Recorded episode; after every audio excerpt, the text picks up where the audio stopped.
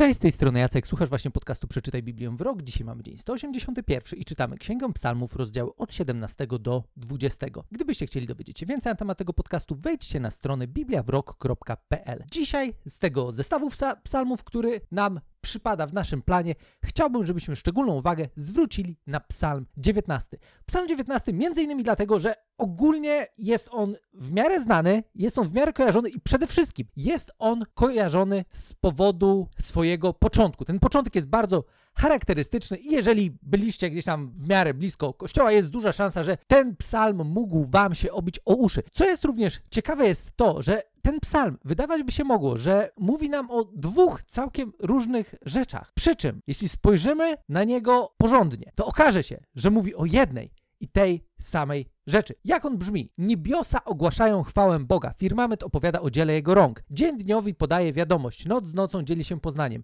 Nie jest to mowa, ani nie są to słowa, nie dochodzi z ich strony żaden dźwięk. Jednak po całej ziemi roznosi się wieść i do krańców świata dociera ich przesłanie. Na tych krańcach on postawił słońcu namiot, z którego wychodzi ono jak pan młody z małżeńskiej sypialni. Tryska wigorem jak zawodnik tuż przed swoim startem. Na krańcu nieba wschodzi, a na drugim krańcu zachodzi i nic się nie ukryje przed jego promieniami. Prawo Pana jest doskonałe, pokrzepia duszę. Postanowienia Pana sprawdzone, niedoświadczonych uczą mądrości. Polecenia Pana są trafne, pocieszają serce. Przykazanie Pana wyraźne, otwiera oczy.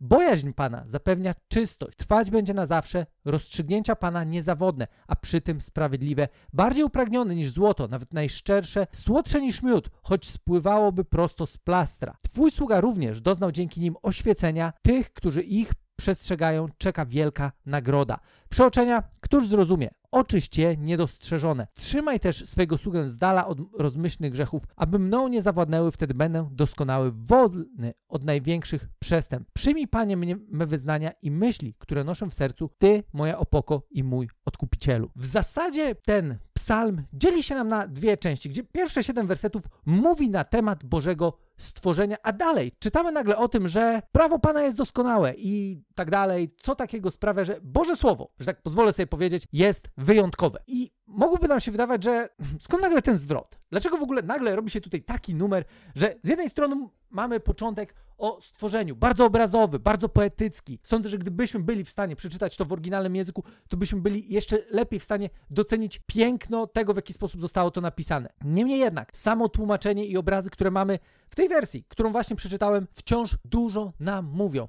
Ale dlaczego akurat w psalmie, gdzie w drugiej części jest mowa o Bożym Słowie, zaczynamy od Bożego stworzenia? Ano dlatego, że Boże stworzenie mówi. Boże stworzenie mówi i Boże Słowo było od samego początku. To wszystko, co jest opisane w Psalmie 19 na samym początku, to jest to, co powstało przez Słowo. Bo gdybyśmy sięgnęli do Księgi Rodzaju, do pierwszego rozdziału, kiedy czytamy o stworzeniu świata, to już od trzeciego wersetu i później tak konsekwentnie w kolejnych, kolejne dni zaczynają się tak. Wtedy Bóg powiedział, następnie Bóg powiedział, wówczas Bóg powiedział, wtedy Bóg powiedział, następnie Bóg powiedział, wtedy Bóg powiedział, następnie Bóg powiedział i przez całe stworzenie Bóg mówi. Każda rzecz, która powstaje, ma swój początek w Bożym Słowie. Ma swój początek w tym, że Bóg swoim Słowem powołuje wszechświat do istnienia. Krok po kroku konsekwentnie tworzy świat, w którym ukoronowaniem całego tego stworzenia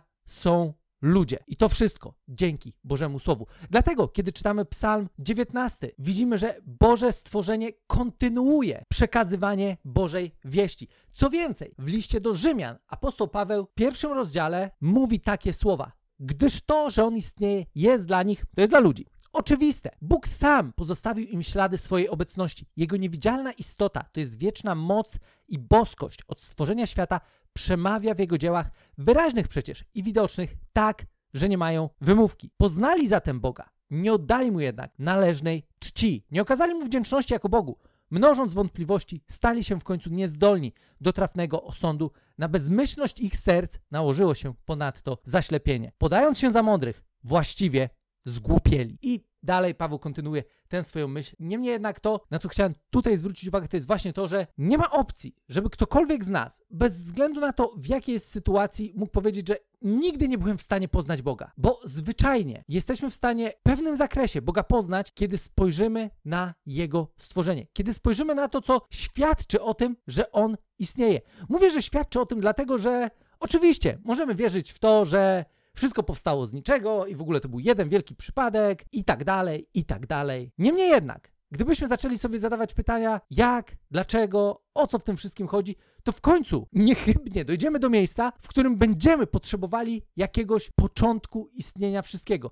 Będziemy potrzebowali kogoś, kto to wszystko uruchomił, stworzył cały ten projekt, który nazywa się Wszechświat, który ten projekt zapoczątkował. I tą właśnie osobą jest Bóg. Oczywiście rozumiem, że argumentacja może wymagać wielu godzin rozmów, niemniej jednak w dużym uproszczeniu tak, to, że coś istnieje, w dużej mierze znaczy to, że ktoś to stworzył. I wiedząc o tym, że Boże stworzenie mówi, przekazuje Boże przesłanie. Dalej, Dawid, który jest autorem tego psalmu, kontynuuje swoją myśl, mówiąc o Bożym Słowie, które jest spisane. Zaczynając od tego, że Dawid mówi, że prawo Pana jest doskonałe. Bezpośrednio odnosi się on tutaj do nawet nie że Starego Testamentu, bo w zasadzie on pisząc ten psalm nie miał prawdopodobnie absolutnie pojęcia, że kiedyś będziemy czytać te słowa jako kontynuacja Bożego Słowa, które wcześniej było zawarte właśnie w pięcioksięgu, którego autorstwo jest przypisywane Mojżeszowi. I do tego właśnie bezpośrednio Dawid się odnosi. Prawo Pana, które wtedy było rozpoznanym Bożym Słowem,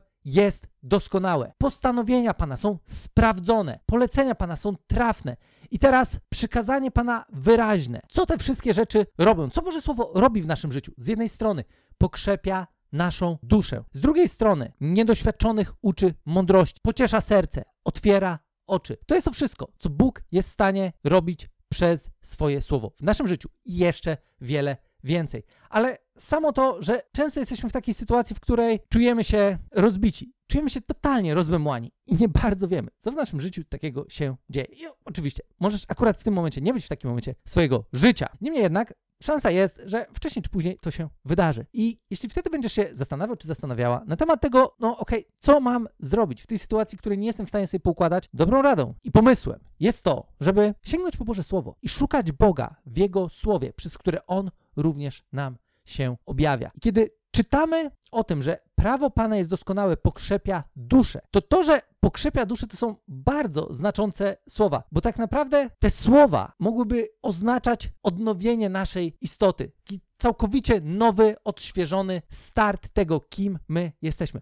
To w stanie jest zrobić Boże Słowo w naszym życiu, ale jednocześnie jest w stanie nas pocieszyć, nauczyć mądrości i otworzyć nasze oczy. I kiedy nasze oczy są otwarte, widzimy dużo więcej. Widzimy świat, którego wcześniej nie widzieliśmy. Widzieli, widzimy świat z perspektywy, z której Bóg widzi świat. Dlatego, kiedy czasami możemy się zastanawiać, co takiego znajdę w Biblii, co takiego mogę odnaleźć w tej książce, możesz w niej odnaleźć Boże spojrzenie na świat. I to jest coś kompletnie mistrzowskiego, bo w swoim życiu przebiłem się przez różne pomysły na to, o co chodzi w świecie. I im dłużej czytam Biblię, tym bardziej widzę, jak bardzo precyzyjnie i dokładnie opisuje ona świat, świat, w którym żyjemy.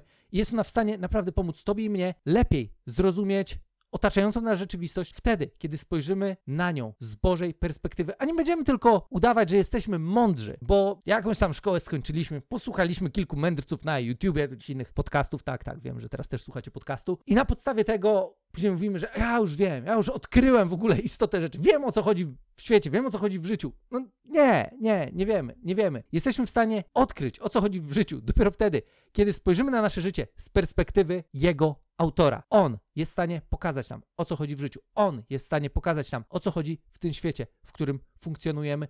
I on jest tym, który jednocześnie może całkowicie odnowić nasze życie po to, żebyśmy mogli w końcu zacząć żyć życiem, do którego każdy z nas został, do którego każdy z nas został przez Boga stworzony. Każdy z nas jest częścią tego Bożego stworzenia, które ma świadczyć o Stwórcy, ma przekazywać wieść o tym, że istnieje Bóg, który powołał ten wszechświat do życia i ten Bóg ma plan na całkowite odnowienie wszechświata, o czym mówi nam cała historia zapisana w Piśmie Świętym. Gdybyście mieli dodatkowe pytania, wejdźcie na stronę bibliawrok.pl. Tam możemy sobie porozmawiać, podyskutować. Mam nadzieję, że ten psalm był dla Was odświeżający, pocieszający, zachęcający i że dzięki jemu jeszcze lepiej spojrzymy na to, jak Bóg mówi do nas i co przez swoje słowo może uczynić. Dzięki za ten dzisiejszy odcinek i słyszymy się już jutro w kolejnych rozdziałach Księgi Psalmów.